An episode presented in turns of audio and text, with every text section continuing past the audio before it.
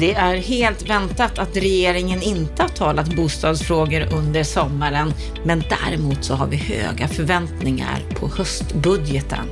Hyresförhandlingarna, som vi har pratat mycket om här i podden, de har inte riktigt gått i mål för det här året 2023 och det ser inte bra ut för 2024. Nu är det dags att trepartsöverenskommelsen bevisar sig. Och eh, byggstartsindikatorn, den visar på en mer stabiliserad byggtakt men är det verkligen så? Ja, det undrar vår expertkommentator Kent Persson som du alldeles strax ska få möta här i veckans Aktuellt. Det första veckans Aktuellt för hösten. Det är härligt att vara igång igen med Bopolpodden. Tack för att du är med oss och lyssnar. Jag heter Anna Bellman. Nu kör vi!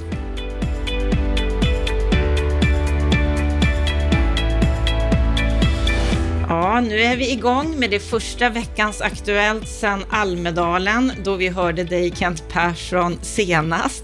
Man kan ju säga Kent att det har varit lite tyst ifrån regeringen kring bostadsfrågorna sedan Almedalsveckan. Är det här någonting som är väntat? Tycker nog det med tanke på hur den här sommaren har utspelat sig. Vi har haft ett ganska stort fokus kring NATO-medlemskapet, eh, där det fortfarande råder en del oklarhet. När kommer Sverige att komma med? Och då blir det väldigt mycket det mediala fokuset ligger där och på de säkerhetspolitiska frågorna. Och sen har vi haft en sommar med Eh, väldigt många bränningar av koraner som har också satt igång en säkerhetspolitisk diskussion och faktiskt ett ökat hot mot Sverige. Och det där gör ju att allt syre från övriga politiska frågor försvinner. Så, Så det är väntat? Det är väntat med tanke på hur det ser ut och det får vi nog ha lite respekt för och lite tålamod. Men sen nu när vi kommer in i hösten med eh, när det normala politiska arbetet kommer igång, då hoppas jag också att vi får lite mer utrymme för att också diskutera bostadspolitiska frågor. Mm, och vi är ju igång. Vi körde vårt första program i måndags där vi pratade om personalbostäder och vi kommer nu att köra två gånger i veckan framöver. Och eh, vi kommer ju att sätta fokus på många viktiga ämnen. Men innan vi går in på vad vi ska prata om på måndag så skulle jag vilja fråga dig Kent, i slutet av nästa vecka, då samlas ju regeringen på Harpsund för att inleda förhandlingarna för just höstbudgeten. Kan det finnas utrymme för bostadsfrågorna där? Vad hoppas du på där? Ja, vi hoppas väl det, många av oss. Och det är klart att då börjar precis diskussionen omkring vilka ekonomiska ramar finns det att fördela i, i regeringen och sen ska det här förankras då såklart också med Sverigedemokraterna. Så att de har ett ganska gediget jobb framför sig. Alla reformer kostar ju inte pengar, utan en hel del reformer kan man genomföra utan att avsätta stora medel. Och tittar vi på bostadspolitiken finns det många reformer som skulle kunna genomföras utan att få större finansiella eh, påverkan. Eh, sen är det såklart att eh, förväntan på den här budgeten från många i branschen och kanske även från vanliga svenskar, det är ju att det behöver komma något besked i bostadsfrågor som gör att man kan stötta upp eh, nyproduktioner av bostäder. För den fortsätter ju och faller och blir ju väldigt lågt byggande 23 men också de kommande åren. Jag tror att summerar vi den här mandatperioden så kommer det vara ett väldigt lågt byggande och ska regeringen hinna få någon effekt av satsningar för att få upp byggandet igen, då behöver det komma signaler i den här höstbudgeten. Och jag tror att det kommer att göra det, för att läget är så pass allvarligt eh, och eh, nyproduktionen sjunker så mycket. Så att något slags besked bör det komma från regeringen. Och vad tror du då konkret att vi kan få se? Jag tror att vi kommer få se något slags konjunkturstöd till, eh, till byggsidan. Det är vad jag tror. Jag tror inte vi kommer att se några besked om större bostadspolitiska reformer. Tyvärr, där tror jag vi får fortsätta argumentera. Eh, men däremot så tror jag att det kommer något slags branschstöd för att få upp byggandet igen och det är helt nödvändigt. Så att jag hoppas verkligen att regeringen klarar av att få en sån reform på plats med lite finansiellt stöd. Ja, det här är ett ämne som vi har berört många, många, många gånger i den här podden och på bostadspolitik.se och kommer att fortsätta att prata om. Och en annan fråga som vi också har berört mycket, det är ju hyresförhandlingarna. Det är en stor snackis i branschen och bland annat då situationen i Malmö där det är flera hyresvärdar, bland annat ni på Heimstaden, du jobbar ju för Heimstaden Kent, har direkt aviserat en andra hyreshöjning för året, 1,75 procent från första juli. Och nu har Hyresgästföreningen kommit med ett hårt svar på det här. De menar att det här, det är ett brott mot förhandlingsordningen, att den här höjningen inte har föregåtts av förhandlingar. Och de kräver nu att höjningarna dras tillbaka och att fyra fastighetsbolag Heimstaden, Wilhelm, Victoriahem och Trianon dessutom betalar skadestånd på 5 000 kronor per lägenhet. Vad säger du om Hyresgästföreningens utspel här? Det, det, visar ju att vi har en väldigt besvärlig situation och en motpart som har en ganska liten förståelse för eh, hur stark pressen är på fastighetsbolagen som äger och förvaltar hyresrätter. Backar du tillbaka, precis som du säger, kring hur hyresförhandlingarna gick förra hösten så gick de ju väldigt trögt och väldigt dåligt. Vi fick ett resultat ungefär för branschen på 4,5 procent. Behovet var närmare 10 procent. Det glappet det gör att väldigt många bolag får genomföra besparingar, eh, riskerar att försämra eh, sin förvaltning. Och tittar vi ekonomiskt vad som har hänt sedan den hösten så har räntorna fortsatt stiga och vi har fortsatta, eh, faktiskt ganska stora utmaningar. Det här gör att många bolag nu börjar snegla på vad är det man behöver förhandla om när vi kommer till hösten. Men vi valde ju ett antal bolag nere i Malmö för att försöka mildra effekten för våra hyresgäster. Att faktiskt dela upp detta på fler steg för hyresgästerna så att det inte blir en sån massiv höjning när vi kommer fram i nästa förhandling, utan försöka sprida ut detta. Och förhandlingarna har skett på det sätt som förhandlingar ska ske. Och frånträdet har skett på det sättet som frånträden ska ske. Och när vi har följt lagen på det sättet som den ser ut så har vi också då rätten att direkt avisera våra hyresgäster och hyresgästen har rätten att ta ställning till det. Antingen accepterar man den nya hyreshöjningen och betalar den eller så väljer man att tacka nej och då blir det sen en fortsatt process i hyresnämnden om vad som blir hyresnivån. Så att alla parter har agerat rätt utom just Hyresgästföreningen som nu agerar på ett oerhört oseriöst sätt. Så du menar att de har helt fel när de hävdar att ni har gjort ett brott mot förhandlingsordningen? Ja, de har helt fel. Och jag är ganska övertygad om att det kommer visa sig i den fortsatta processen.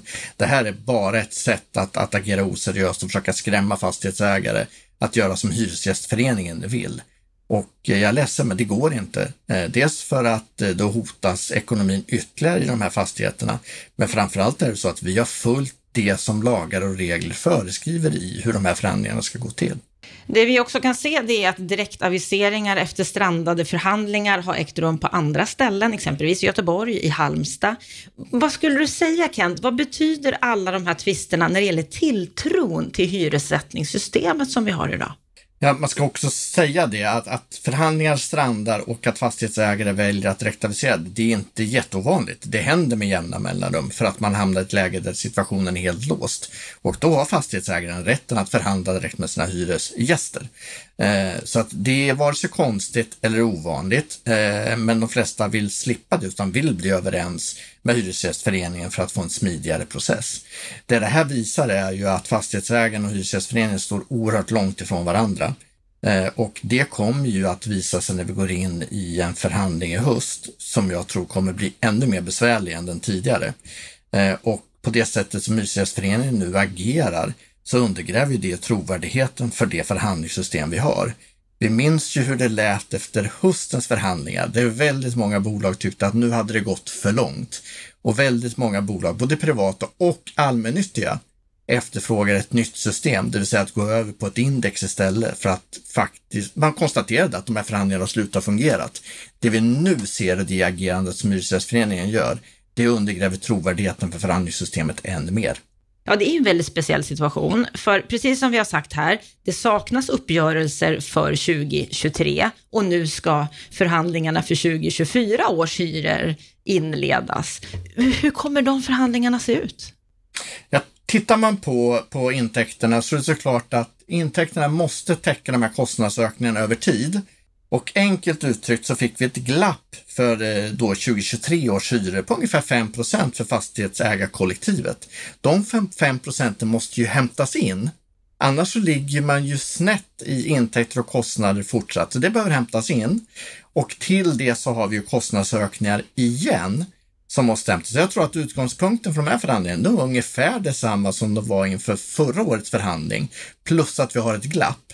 Och det kommer vi ha nu under ett antal år eh, med räntorna som är höga, med kostnader som skenar och fastighetsägare som behöver få täckning för, för sina kostnader. Så det kommer vara jättesvåra förhandlingar, åtminstone två, tre år till. Och får inte fastighetsägarna täckning för sina kostnader, ja då kommer man ju urholka möjligheten att, att investera i befintliga hyresrätter i Sverige. Det kommer att leda till eh, sämre bostäder helt enkelt och en lägre investeringsvilja och det vore djupt olyckligt.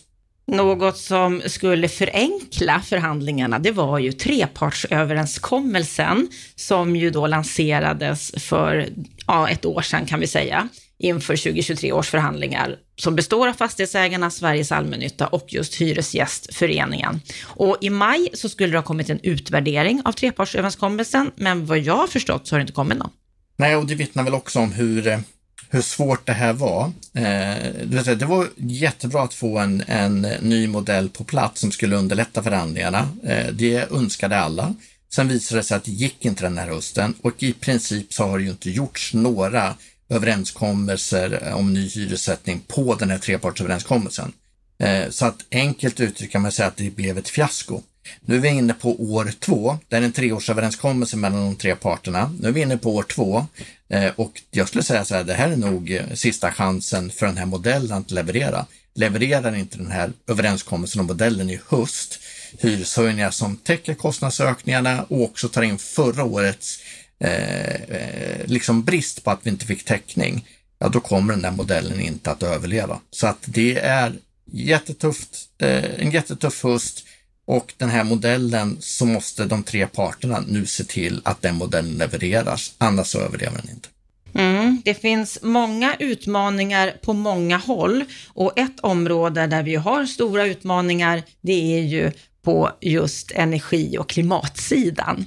Sommaren den har präglats av kallt, blåsigt väder och för ett par veckor sedan så var det ett skyfall som förstörde stora värden på flera håll i Sverige. På Hawaii har vi kunnat se att det har varit fruktansvärda skogsbränder och det tycks stå klart att ja, vi kommer att få se mer och mer av extremväder framöver.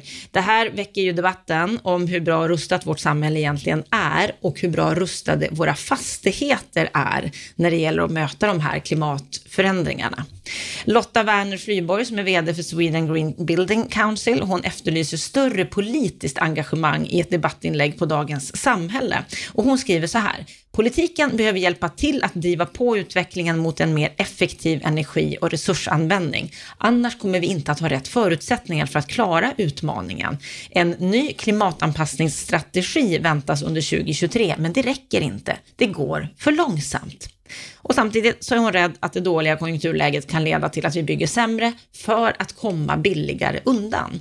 Vad säger du om det här Kent? Att, att hon i huvudsak har rätt. Det går för sakta och eh, det visas ju i vad som nu händer i omvärlden. Det är inte bara Sverige som behöver ta ansvar utan ett antal länder som måste ta ett ännu större ansvar i eh, energi och klimatomställningen. Tittar vi på Sverige så är det också så att vi har kanske delvis en annan utmaning än en del andra länder. Vi har faktiskt ett utsatt VA-system nu som behöver uppgraderas och det visar sig med skyfallen att rätt, rätt många har fått problem nu med eh, eh, dagvatten, att få undan dagvattnet helt enkelt. Eh, och det är för att VA-systemen inte är tillräckligt bra. Så att vi har en hel del problem även i Sverige som måste åtgärdas kring vatten och vattenfrågorna och även energifrågorna och miljöfrågorna generellt. Klimatomställningen behöver, behöver snabbas upp och det jag tycker är lite fascinerande i den här debatten och det har jag sagt förut, det är att jag upplever att branschen, fastighetsbranschen är väl medveten om att vi behöver göra klimatomställning och både privata och allmännyttiga bolag gör det i mycket hög utsträckning.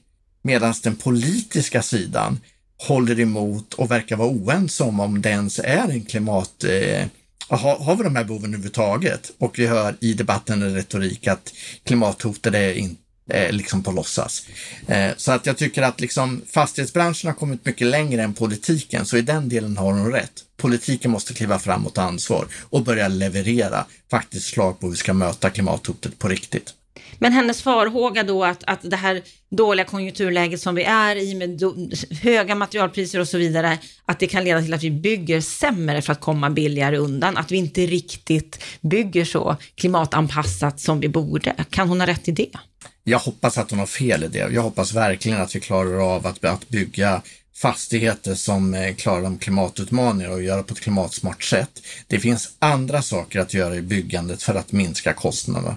Eh, och det behöver göras, men det får nog inte faktiskt ske på bekostnad utav klimatsmarta bostäder, för här måste vi bli ännu bättre även i Sverige framåt när vi bygger nytt. SBABs Robert Boye han efterlyste i juli en debatt om EUs energirenoveringsprogram. EU har väldigt ambitiösa miljömål och en del av dem är att få ner fastigheters energianvändning rejält. Så att hus som idag är i energiklass G ska upp till D senast 2033, alltså om tio år. Och enligt Robert Boye, som hänvisar till Villaägarnas riksförbund, så skulle det kosta i snitt en halv miljon per hus att nå de här nya kraven. Sverigedemokraterna med deras bostadspolitiska talesperson Mikael Eskilandersson och miljöpolitiska talespersonen Martin Kinnunen, de skrev häromdagen ett kritiskt debattinlägg på Fastighetstidningen där de menar att EUs visioner är orimliga och leder till helt orimliga kostnader för husägare. Och de skriver så här, ska det bli en klassfråga där endast de bättre bemedlare har råd att äga eget hus?